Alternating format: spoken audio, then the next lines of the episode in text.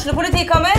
Ine Jansen er purk. Er du purk? The motherfucking bitch. Alt jeg vil, er å finne ut hva som skjedde med mannen min. Jon Carew. Er jeg sikta for noe? Iben Akeli. Det er du.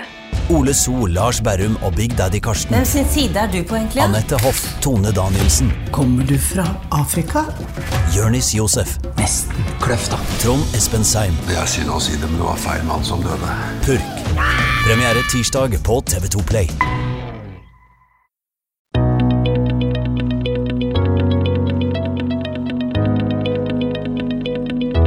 Sara Lossius er kommunikasjonsrådgiveren som sa opp jobben i Ikea for å satse fullt på å snakke om helse og livsstil i en egen podkast. På kort tid ble Ingefær podkast Norges største helsepodkast, og hver uke lar tusenvis av lyttere Saras stemme fylle ørene med nyttig kunnskap om livet. Mitt navn er Marie Olaussen. Velkommen til deg som hører på TB-podden, og velkommen til deg, Sara. Det er veldig hyggelig å ha deg her. Takk. Så koselig intro. Ingefær podkast har nylig rundet halvannen million avspillinger. Ja. Og blant gjestene dine finner vi superkjendiser og helseeksperter av alle slag. Vi får andre møte Camilla Pil, Anja Hammerseng Edin, Vibeke Klemetsen, Siri Abrahamsen, Synnøve Skarbø, Funky Gine og Ingvar Andersen. Men eh, kan vi starte helt på begynnelsen? Du vokste opp eh, her i Tønsberg. Har du alltid vært eh, opptatt av et sunt og friskt liv? Nå ble jeg litt sånn svarskyldig. Eh, ja, for jeg vokste opp ganske sunt, som veldig mange er. Altså type sånn pappa som alltid dro oss ut på søndagstur på Tjøme. Hvor man fikk sånn kjeft. Vi kjørte forbi en sånn nedlagt bensinstasjon på vei til Tjøme. Vi kjøpte kjeft, kjeft eh, sjokoladesmak eller jordbær. Jo, jeg, jeg tror jeg vokste opp med ganske bra mat, f.eks.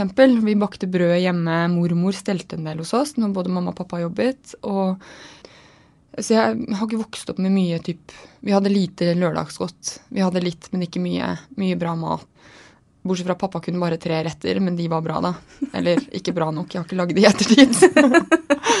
og så spilte jeg håndball eh, på Eik. Så jeg spilte og trente veldig, veldig mye. På ungdomsskolen så trente, hadde jeg gym to ganger, ballspill, og så trente vi tre ganger i uken og kamper i helgene, da. Så jeg har alltid vært aktiv, men jeg, ikke, jeg, hadde jo ikke noen sånn tanke da jeg var tolv år at dette var sunt, på en måte. Jeg har bare vokst inn i en aktiv familie, da. Men jeg tenker at det legger grunnlag. Og så har du utdanna deg i England? Ja, jeg tok masteren på LSE i uh, London School of Economics på Social and Public Communication. Altså det er kommunikasjon på Sosialpsykologisk institutt. Så det har veldig lite med det meste å gjøre. Eh, man kan si det sånn. Det var, det var litt sånn egotripp å gjøre det, for jeg hadde jo fast jobb. Og så var jeg veldig keen på en master på LSE, for jeg syns det var veldig mange smarte folk som forsvant dit fra Blindern og NTNU. Eh, og da tenkte jeg at det var jeg keen på, så jeg tok opp fag mens jeg jobbet, og så kom jeg inn. Så det året var en mer sånn egoistisk dannelsesreise, hvor jeg tenkte på ting som jeg egentlig ikke har fått så mye bruk for i ettertid. Fordi man tenker ikke så mye på Habermas i hverdagen, f.eks.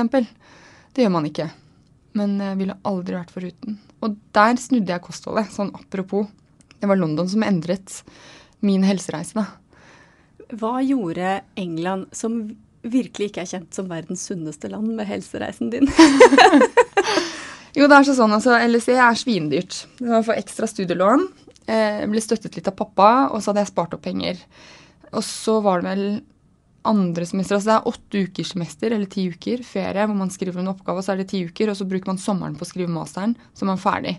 Det er et sånn vilt race hvor, eh, hvor, det kreves ganske mye av deg. Eh, og mm, ja, og så var det veldig gøy å være mye ute, f.eks. For, for, eh, for meg i London, så jeg kombinerte godt. Men det som skjedde, var at jeg tror det var i januar eller februar i London at uh, jeg var så utrolig sliten. Sånn kjempesliten. Greide ikke å komme opp om morgenen og alt sånt der.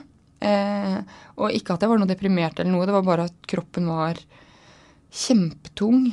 Og da tenkte jeg sånn Jeg kan ikke Jeg gidder ikke gå her og bruke over 100 000 kroner og 200, 200 000 eller hva det var i studielån ekstra på å få dårlige karakterer. Så jeg følte at jeg måtte ta meg selv i nakken. Så da begynte jeg å legge om. Og det var egentlig ganske lett, det også, for de hadde jeg vet ikke om de har det, nå er det en stund siden jeg har vært i London, men de hadde det Prett, Prett, Prettaporter, eller hva det heter. Det er Nettaporter, er det? Det er i hvert fall Prett. Og der hadde vi masse sunn mat. Uh, vi hadde også sunn mat i kantinen, og jeg bodde jo uh, på et sånt utrolig knøttlite stu studenthjem hvor jeg delte kjøkken med ni andre. Eh, men på Whole Foods og sånn så var det jo kjempelett å få tak i bra mat.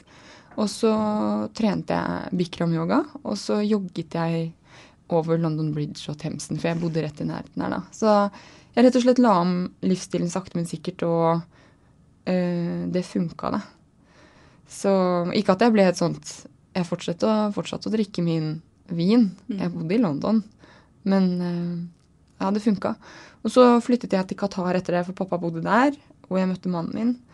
Og da hadde jeg lagt om ganske mye. Det var en del jeg hadde kuttet ut. Og Jon har bodd i, mannen min har bodd i USA i veldig mange år.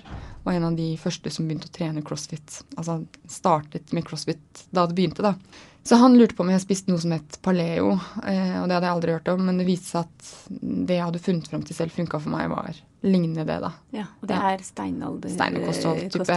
Jeg spiser ikke det helt nå, fordi nå spiser jeg litt korn og Ja. spiser litt melk og sånn, men eh, det er det som har funka for meg, da. Så Og det var liksom Og da, du har gitt ut en bok òg, som heter Paleo. Ja, gjorde det. Var det da? Nei, det var Jeg kom hjem eh, Nei, det var i første mammapermen. Da hadde du tid til det. jeg hadde, det. jeg hadde ulønnet perm lite litt, grann, og så var, eh, har jeg veldig formidable svigers. Vet du hva? Man kan nesten se at det er forløperen til podkasten min. Fordi det er en ganske helhetlig bok. Jeg tar opp stress, trening, bevegelse, søvn. Og så er det oppskrifter i tillegg. Og de har Jon utviklet en del. Jeg har satt i gang apparatet rundt meg. Så jeg har oppskrift fra min bestevenninne, mamma, Jon. Så et par fra meg. Da hadde du mammapermisjon fra Ikea, var det sånn det var da? Ja. Og så en dag så bestemte du deg for at eh, jeg tror jeg sier opp den eh, jobben, ja, som sikkert var helt super, men får jeg lyst til å gjøre noe helt annet. Eller hvordan var den historien? Ja, det var ikke lett, da. For jeg hadde um, utrolig bra kollegaer i IKEA. Jeg tror kanskje jeg jobbet med bærekraft, eh, og det er noe jeg brenner for. Og IKEA gjør veldig mye bra innenfor bærekraft. De har så mye muskler. Det var veldig spennende å jobbe der. Utrolig kule kolleger. Man, mye, man kan gjøre mye kreativt der, da. Eh, så det var en prosess. Men eh, det er mange historier i det her, så jeg bare forteller det. I første mammapermen så brukte jeg veldig mye tid rundt Sognsvann, siden jeg, da bodde jeg på Torshov i Oslo, eh, på å høre på podkaster, og det var ikke så mange som gjorde det. For det er jo ja, det er fem og et halvt år siden, det. Ja. Og så var jeg tilbake igjen på Ikea når Ellie da hadde begynt i barnehagen, og på vei til Ikea en dag på bussen hørte jeg på podkast og tittet eh, ut av vinduet, og ved sjølyst. Så når bussen stoppet, så tenkte jeg sånn Nei, jeg tror jeg skal starte podkast i neste mammaperm. Fordi det er ganske lax å være mammaperm. Eh, og det var i november. Så kom jeg på jobben og sa til denne kollegaen vår jeg skal starte pod i mammaperm. De bare, så kult. Og så ble podkasten lansert november året etter. For jeg fikk to barn på 22 måneder. Og min yngste er veldig glad i livet, og det innebærer at hun ikke var så glad i å sove. Så det var ikke så mye tid til å lage podkast. Men den ble lansert i november, og i mai så sa jeg opp jobben i Ikea. Og det var fordi jeg hadde en veldig veldig dyktig vikar, og jeg visste at hun drev og søkte jobber. Jeg skulle tilbake i august, og det ville blitt, så dumt at jeg sa opp i august hvis hun hadde pigga av gårde når jeg tenkte allerede på å si opp, da.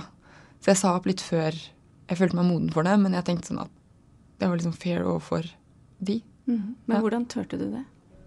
Bare si opp jobben?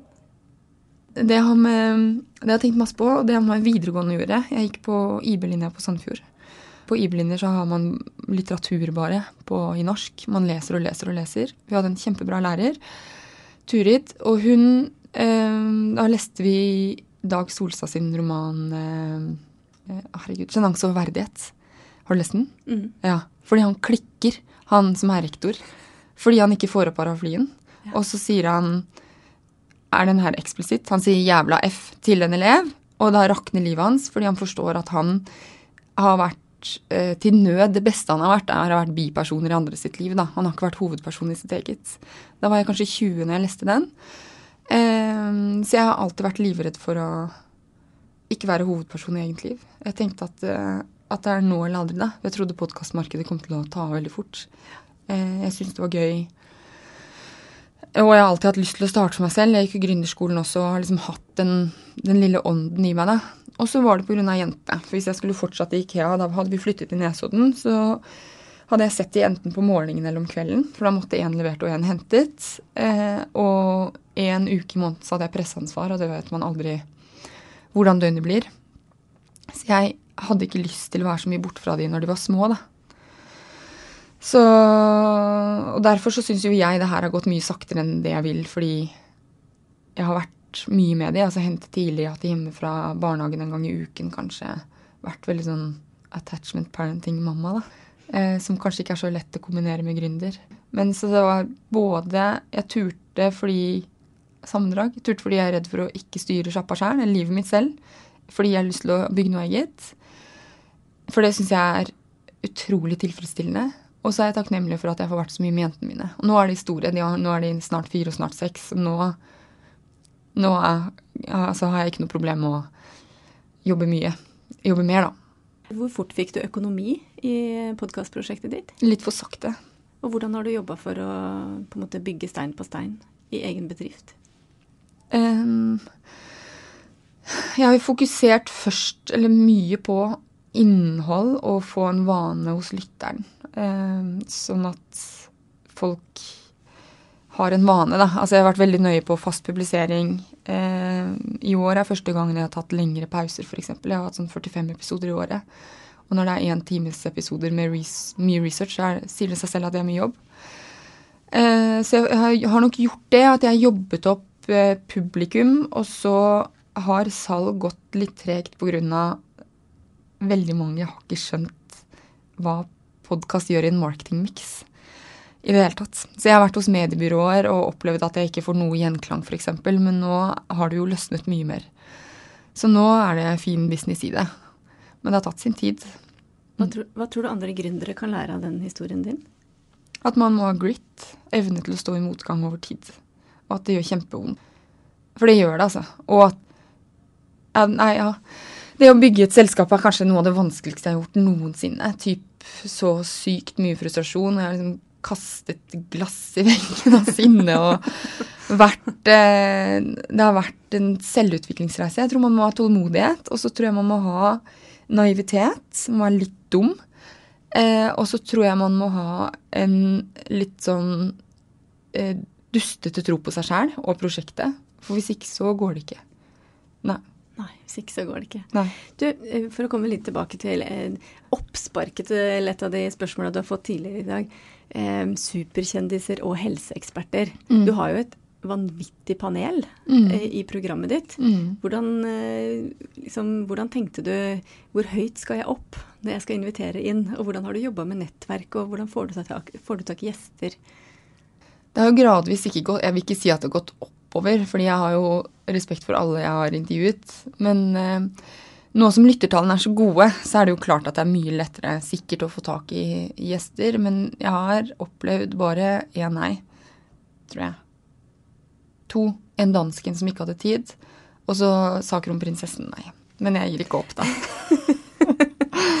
ah, jeg maste på kommunikasjonsrådgiveren. Sendte sånn lang melding med sånn flere punkter hvorfor hun burde komme, da. Ja. Men eh, det kan hende kommer en annen gang. Hva var det du ville snakke med Mette-Marit om? Eh, det å, å, være et slags forbilde, hvordan hun lever typ med sykdommen. Også, og en del om psykisk helse, for det er det hun fronter. Det og kvinne, kvinnehelse. Og eh, selv om ingefær ble lyttet til av nok mange, så er jo målgruppen min utelukkende kvinner.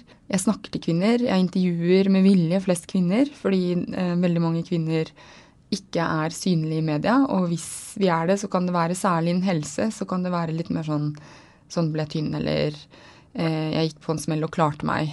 Men kanskje ikke alltid den fagrollen, eller dypere intervjuene. Så det har vært helt bevisst. Så jeg ville snakket med henne om det. Nå leste jeg akkurat at Mette-Marit var jo med på Lindmo, og det var det første talkshowet hun noensinne gjorde. Så bare fortsett å prøve. Ja, jeg så det. Ble litt misunnelig på Lindmo. Men det er en viss forskjell på Lindmo og Lossius enn så lenge. ja, Lindmo har jo litt mer eh, apparat rundt seg. Ja, hun det Det er ikke et gründerprosjekt for Anne Lindeboe? Nei, det er ikke det. Men du snakket om du, jeg, jeg gikk jo litt på siden, men hvordan jeg har bygget opp gjestene, så har det vært helt eh, Det, det var eh, en strategi bak det, altså. De ti første episodene så sørget jeg for å intervjue veldig mange ulike. Sånn at jeg fikk eh, lyttere fra dag én. Jeg hadde jo en blogg, gitt ut en bok, så jeg hadde jo følgere. Men jeg sørget for å intervjue ti ganske ulike personer, sånn at jeg traff ulike målgrupper. Og det har jeg tenkt hele tiden. At eh, noen liker det, og noen liker det. Men etter hvert så har det Og at jeg har gitt ut regelmessig så mye. Fast format. At eh, veldig mange lytter, selv om de kanskje ikke finner temaet interessant. Men likevel så blir det interessant, da. Så ja.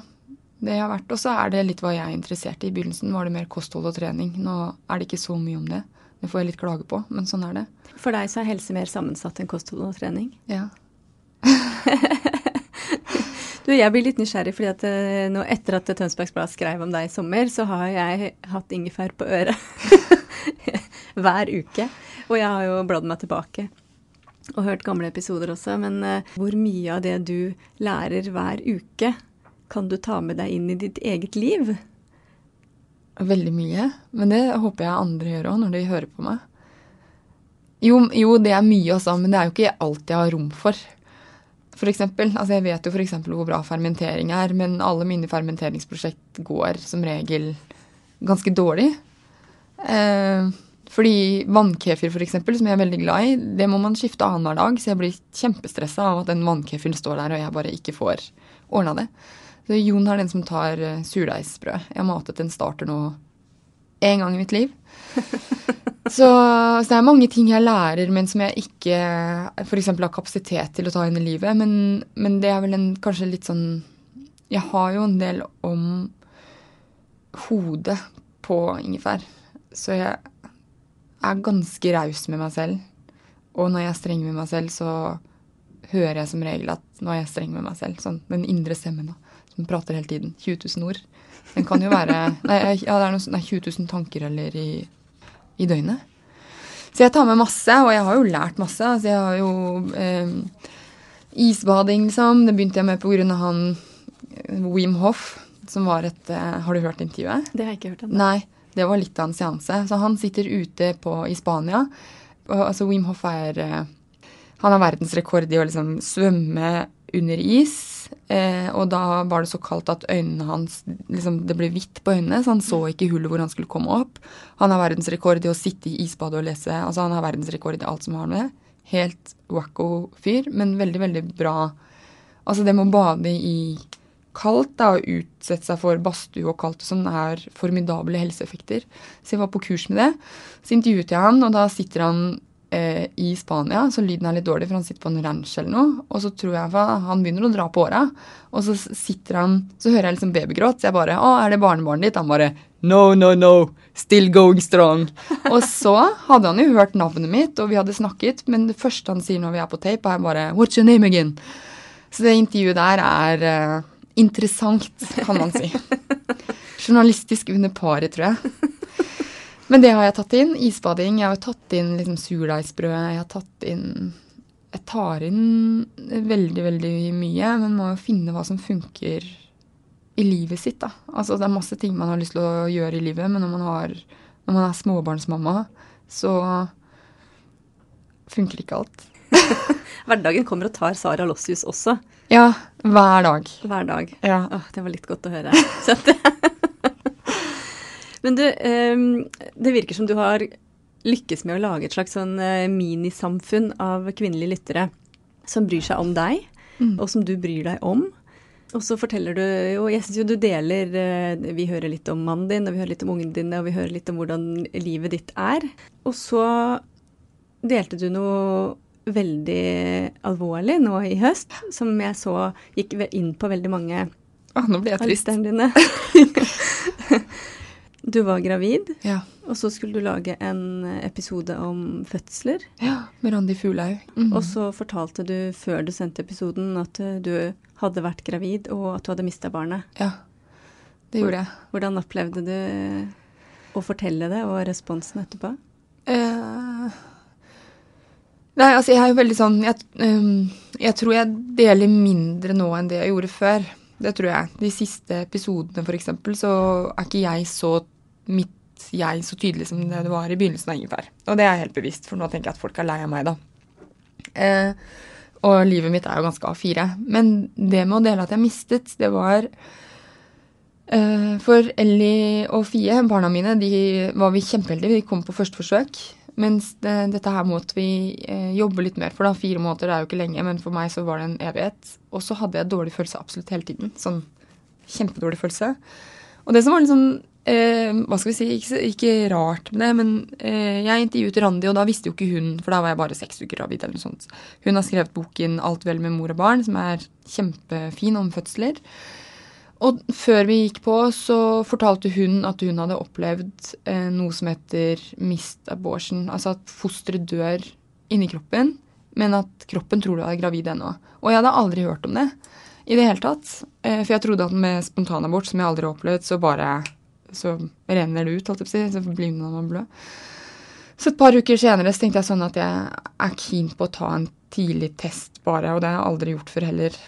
Eh, bare for eh, for jeg hadde ikke lyst til å fortelle det til familien min hvis jeg mistet det. da. Så jeg, bestilte tidlig ultralyd, og så ringte jeg Jon rett før og sa sånn Ha-ha, nå får vi se om det er tvillinger eller dødt, liksom. Og det var også det første jeg sa til hun som skulle sjekke, da. Og så kom jeg på stolen, og så sa hun sånn Ja, kan ikke du hoppe litt lenger frem på stolen? Og så har jeg vært på ultralyd før, eh, og jeg så at det bare var en grå masse, på en måte. Så jeg bare Er det noe gærent? Hun bare Ja, det her er ikke Her er det ikke hjertelyd, da. Så da Det var kjipt. Jeg skulle hatt bokbad for Cappel Dam. Måtte sende melding til markedssjefen her og avlyse. Jeg kjenner jo de godt, men likevel. Og, og så må man jo på sykehus og hjem og ta piller og i det hele tatt. Men, eh, og så måtte jeg jo jobbe, for jeg er selvstendig næringsdrivende. Mm. Så den samme dagen så sto jeg og gråt og vasket hjemme, for jeg hadde lyst til å vaske. Og så ringte en samarbeidspartner, så forhandlet jeg en lita sum. Og så la jeg på igjen og gråt videre. Det er sånn livets realiteter, da. Men grunnen til at jeg delte det, var fordi jeg vet at det er så mange som har opplevd det, men så snakkes det om i tosomhet med venninner, kanskje. Ikke alltid det engang. Og så tenkte jeg at når vi skulle først ha den fødselsepisoden, for det var der jeg skulle dele at jeg ventet nummer tre, da, så kunne jeg like så godt dele at, uh, at livet hadde slått meg i bakken litt òg. Og jeg greide å dele det så tidlig fordi jeg hadde den kjipe følelsen hele tiden. Fordi jeg liksom hadde bearbeidet det. Du hadde hatt litt prosess allerede? Ja, jeg hadde det. Og fordi jeg hadde to barn fra før og, og eh, veldig mye godt i livet mitt. Da. Så jeg, jeg, delte, jeg delte jo ikke før jeg hadde bearbeidet, og før jeg, min sårbarhet var ferdig. Um, Eh, men det verste var egentlig å sende melding til svigermor og si sånn dagen før Ingefær gikk på lufta, da, og fortelle det. Ja. For jeg visste at hun ville bli veldig lei seg. Så det var egentlig det verste. Men sånn Den tilbakemeldingen jeg fikk da, var uh, uh, veldig fin. Veldig mange som gråt da å høre den episoden. Ja. Det var det. Og veldig mange som ikke hadde sagt det til noen at de har mistet. Mange som skammet seg over at de har mistet. Veldig mange som var redd for å prøve på nytt. Um, veldig mange som har følt seg utrolig ensomme i det. Som kanskje ikke har blitt møtt så bra av mannen sin, sånn som jeg opplevde at Jon møtte meg da. Og ja. Fordi det er jeg veldig opptatt av med ingefær òg, at selv om man liksom har gode rutiner innen helse, kosthold og alt sånt der, så, så, går, så går man på snørra. Liksom. Livet kommer og biter deg noen ganger. Og det gjør det. For alle. Mm. Altså det skjer dritt i ethvert liv. Men det er måten man kanskje står i det på som som eh, gjør om du greier å ha en OK livskvalitet eller ikke. da.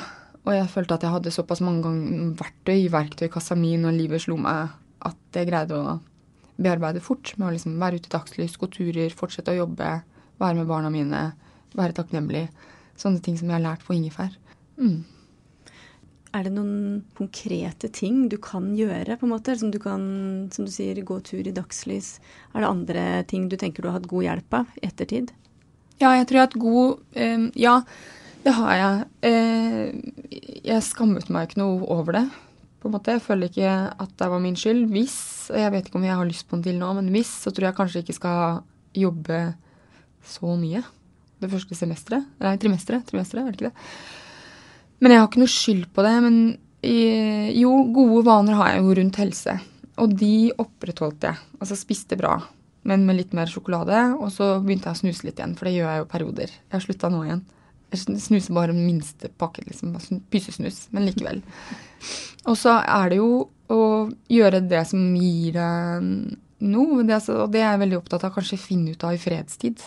Hva er det som får deg til å føle deg bra? Hva slags mat er det du føler at du får energi av? Når opplever jeg flow eller flyt? Hva slags trening er det jeg liker å gjøre? Og sånne ting vet jeg jo ganske godt. Eh, så jeg var ganske bevisst på å liksom eh, fylle på på riktig måte da, med å spise bra mat, i spødmørk sjokolade. Eh, gå turer, for det vet jeg at eh, Og kroppen min var jo kjempesliten i sånn åtte uker etter det her. Så jeg gikk mye turer. Um, altså, ja, alle de tingene jeg Og også være raus med seg selv. Og kanskje det viktigste, um, tror jeg, da, det er å godta at det er dritt. Fordi bare med å akseptere at akkurat nå så uh, Så er det vanskelig, så blir det på en måte litt lettere å stå i det. Og så er det også oppdaget jeg da at det går an å ha det skikkelig trist og kjempefint på en gang. Det var ganske bra å vite. Sara, du har et foredrag som heter Bedre helse på 123. Hva legger du i det? Jeg tror at man kan gjøre ganske mye med å være obs på søvnrutiner, eh, hverdagsbevegelse. Altså ikke bare trening, men selve bevegelsen og få en del dagslys. Altså gå, særlig på vinteren, så mener jeg at de fleste arbeidsplasser burde hatt liksom en time fri midt på dagen for å gå en tur. Fordi man er jo Det eneste gangen det er lyst i løpet av døgnet, så sitter man inne, da. Men så bedre helseforedrag, eller det jeg tenker, er at de, hvis du ser for deg en sirkel, og så har du eh, akkurat som en bløtkake som deles med sånn bløtkake inni, så inni der så har man verdiene sine og, og vaner. For vaner er jo valg man tar igjen og igjen og igjen. Selv om du har en dårlig vane, så kan den endres fordi du må ta bedre valg igjen og igjen og igjen. Og så kan du se for deg at det deles opp i ulike bløtkakestykker. Og der har man trening og bevegelse, man har kosthold, så har man de nære og kjære, for relasjoner er kanskje det viktigste for et godt liv. Det er det jo en TED-talk på som er veldig, veldig fin. Og så er det eh, søvn og meditasjon, stressmestring og kanskje være off sosiale medier. Altså la hjernen få hvile. Og så eh, Hva var det siste, da? Naturen. Og da tenker jeg ikke bare på Eller jo, det å gå i naturen, være i naturen, men også sånn badstue, kaldt, eh, se langt for øynene. Alt det der. Og, og, sånn tenker jeg på helse, da. Så bedre helse på 1, 2, 3 vil være omtrent lage noen punkter på alt det der. Hva som gir en seg, og så kan man prøve å Kanskje ha ett punkt i måneden, da. Og på to år så har man tatt 24 punkter. Da har man kommet kjempelangt. Ja, jeg tror verdier er kjempeviktig. er hva som er viktig for en selv i livet. For vet man det, så blir det ikke så vondt nødvendigvis å velge vekk. Det kan bli lettere å si nei. Det kan være lettere å få en meningsfull hverdag fordi man vet mer hva som er viktig for en selv. Så hvis man begynner der, og så ut fra det, så kan man tenke alt det andre, da. Men at det er liksom navet. Tror jeg. Hva er dine viktigste verdier? Ja, det er frihet. Det er kanskje den viktigste. Eh, og det er vel kanskje en grunn til at jeg ble startet for meg sjæl, da.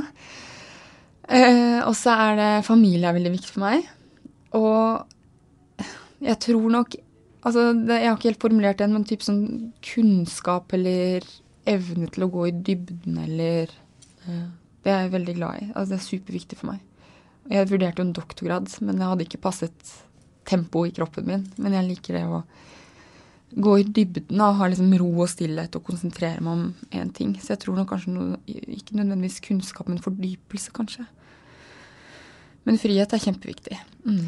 Du får vel anledning til å fordype deg foran hver eneste gjest, eller hvordan forbereder mm. du deg til hver eh, samtale?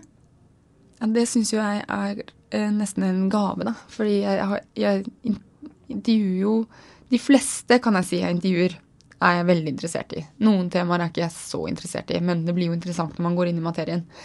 Jeg, jeg syns det er helt fantastisk å kunne bruke Si jeg bruker en dag, da. Jeg kan bruke såpass, det spørs jo på hvem. Eh, og så er det jo mer hvis det er en fagbokforfatter enn Altså, jeg brukte mye tid på Camilla Pil òg, for hun har jo gitt ut bok og alt sånt der, men det er en annen type research, for jeg trenger ikke forstå eh, vitenskapen bak det, på en måte. Men jeg bruker i hvert fall en dag, tror jeg, og leser eh, ting, og det syns jeg er nydelig. Og så blir jeg litt smartere sjøl, og så kan jeg spørre gjesten om absolutt hva jeg vil, og formidle det ut, sånn at andre lærer noe. Det, det syns jeg er helt supert. Og når jeg i tillegg tjener penger på det, da, så, har jeg, så er liksom sirkelen ok, da. Men jeg syns det er nydelig å kunne fordype meg i ting, ja. Elsker det. Det er kanskje noe av det beste med jobben. og på den andre siden av den fordypelsen så har du sosiale medier. Det tror ja. jeg må være viktig i jobben din. Hvordan eh, jobber du aktivt i sosiale medier? I desember så hadde jeg en pause. Eh, nesten ni dager fra Instagram. Og det var litt sånn halleluja. Eh, jeg tror noen er like bedre å være på. Jeg startet jo en podkast fordi jeg liker å snakke med folk, ikke fordi jeg var så veldig keen på å synes selv. Så jeg har lært meg til at eh, jeg må ta bilder av meg selv, f.eks. Det ser jeg på som en nødvendighet, men ikke sånn at jeg må. Eller jeg har lyst til det, på en måte. Så jeg ser på sosiale medier eh, Nå har det endret seg litt etter den pausen, men ingefær er jo mye større enn mine kanaler. For jeg har kanskje 7000 på Instagram eller sånn. Det er jo ikke, det er ikke nok til å ha swipe up-funksjonen hvor man må ha 10 000 f.eks. Så, så lyttertallet til ingefær eh, det forklares ikke av mine sosiale kanaler alene. Men jeg må jo være Eller jeg må jo være på, men selv om den største Instagram-kontoen min, for jeg har to, heter Sara Lossu, så er det jo ikke meg. Jeg deler ikke barna mine, f.eks., og hvordan de ser ut. Så jeg har en del sånne ting rundt det. Men eh, nei, det ser jeg på ikke bare som et nødvendig onde, fordi det er jo en community, og jeg liker veldig godt mange av de jeg følger, og deres innhold. Men jeg tror at det er veldig viktig å bli bevisst, være bevisst hvem du følger. Hvilken tid drar du opp telefonen og scroller på Instagram f.eks.? Bruker du det som fordi du ikke orker å føle på din egen følelse? Så kanskje sette litt sånne regler. Det har i hvert fall jeg begynt med nå, da, litt som jeg har med mail. Så, for jeg syns sosiale medier er helt fantastisk, men vi må passe på bruken. Sånn at man ikke blir ensomme sammen når man sitter på hver sin mobil og scroller f.eks. Mm. Hva var det viktigste du lærte av den um, sosiale medier-pausen din? At jeg trenger å ikke være på sosiale medier kanskje noen dager innimellom for å tenke disse lange tankene mine. For nå har jeg et større skriveprosjekt, og hvis jeg skal tenke nå, nå, veiver jeg med armene mine, men hvis jeg skal tenke liksom fra den ene armen til den andre, så må jeg ha tid til å la de tankene prosessere, og da kan jeg ikke bli forstyrret av andres liv på Instastory. Så jeg tror nok jeg er blitt mer bevisst min bruk, da.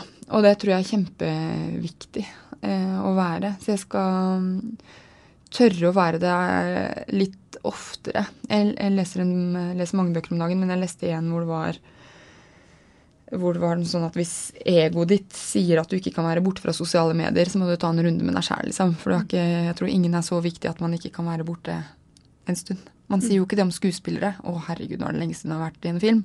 Da kan ikke hun spille en ny film. Det er jo ikke sånn. Hva skjer med ingefær i 20, eh, 2019? Jeg har lyst til um, Jeg har planer om å løfte det. For nå har jeg gjort eh, Altså, det har vært bare mitt. Jeg gjør jo absolutt alt. Bortsett fra regnskapet. Takk og lov. Det eneste faget jeg fikk dårlig karakter på på Greveskogen. Noensinne. To pluss. Så det er nok veldig fornuftig for mitt AS at jeg slipper det. Så jeg har lyst til at det skal bli enda hvassere, enda bedre. Jeg gjorde jo en endring nå i høst med at jeg har ingefærshot på torsdager. Det skal jeg fortsette med, for faste spalter er ufattelig morsomt. Veldig gøy liksom å vite hva folk spiste til frokost av en eller annen grunn. Kan ikke du fortelle veldig kort hva ingefærshot er? Jo, altså ingefær er jo da en timeslangt intervju. Uh, uredigert, om, eller 40 minutter til time. Mens shot er, som kommer ut på torsdager, er faste spørsmål til den samme gjesten.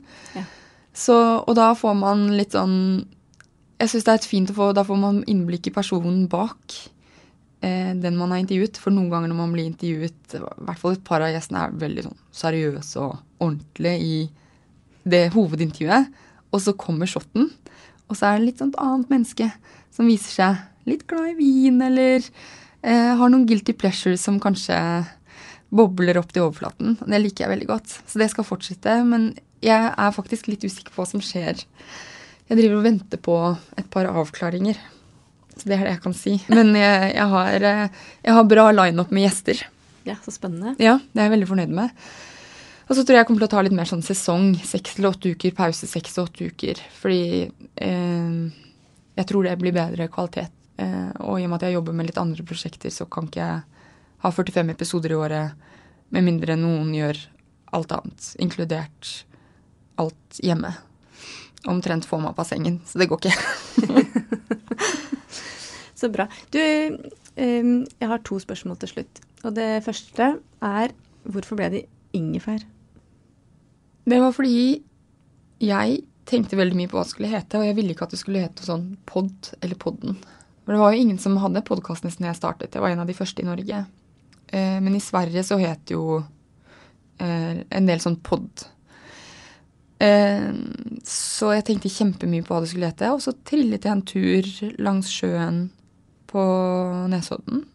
Og så kom jeg på ideen. Og, mm, og, så sa min bestekompis eh, Erlend, han har jobbet i Tønsbergs før, forresten, han sa at eh, det er egentlig samme hva podkasten heter, for du fyller jo Altså, det blir jo en merkevare, og da fyller jo Da assosierer folk noe med det, da. Så derfor så ble det ingefær. Men det har jo gått en Før var det jo ingefær, og så var payoffen roten til alt godt. Og så var coveret en ingefær som Jon og jeg kjøpte stokkfoto, gratis font. Så det har jo blitt en profesjonalisering av ingefær, da. Men det var derfor. Så det er jo helserot, da. Helserot, ja. ja. Så bra. Du, hvis du kan gi lytterne våre noen gode helseråd inn i det nye året. Ja. Nå er det jo høy, høysesong i januar for ja. å klare å gi seg sjøl et eh, spark bak. Hva ville dine aller beste råd være? Nå, nå har jeg jo eh, delt noen, så det er spole tilbake ca. 20 minutter. Det er ett råd. Høre det på nytt igjen med notatblokka. Du, vet du hva, Jeg ville tenkt på det som et, eh, som et år. At eh, uh, Hvor har du lyst til å være 12.1.2020? Hva har du lyst til å oppnå innen det? Og så begynne med én ting av gangen. For hvis du blir 1% bedre hver dag, så er det som en E i XD i løpet av ganske kort tid. da, For det baller jo på seg.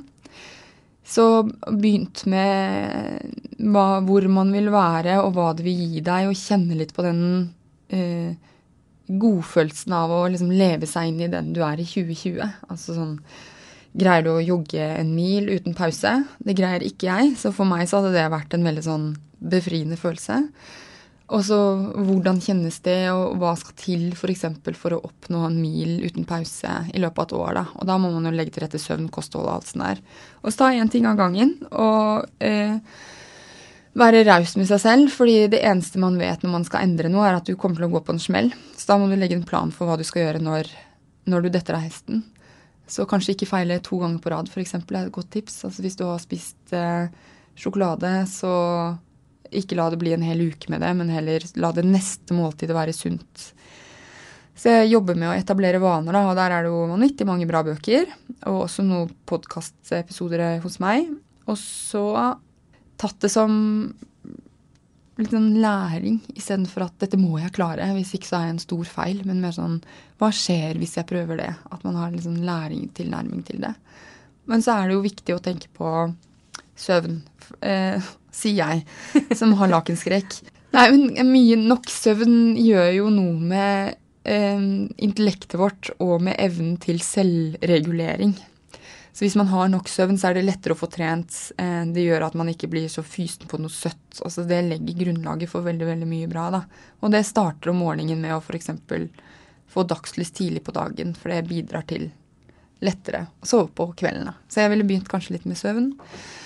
Men at det ikke er noe konkurranse i å være fit eller klare helse bra nok. Og jeg tenker jo ikke på utseendet i det hele tatt på det her, men mer at man skal ha et godt liv, da. Så heller bicepkøll være en god Eller biceps Hvordan den ser ut. Være en god bonus. det blir noe ekstra. Ja. ja jeg håper at uh, lytterne våre har fått noen gode tanker i dag. Tusen takk for at du kom til oss, Sara. Takk, Takk selv. For, ja, bare hyggelig. Takk for at du har fortalt, og jeg håper at både du og Ingefær får et flott år. Takk. Du har hørt på TV-podden, Ansvarlig redaktør er Sigmund Kydland. Musikken er skrevet av Scott Holmes. Hør flere episoder i din podkast-app, og liker du det du hører, gi oss gjerne en vurdering der, slik at andre kan finne oss.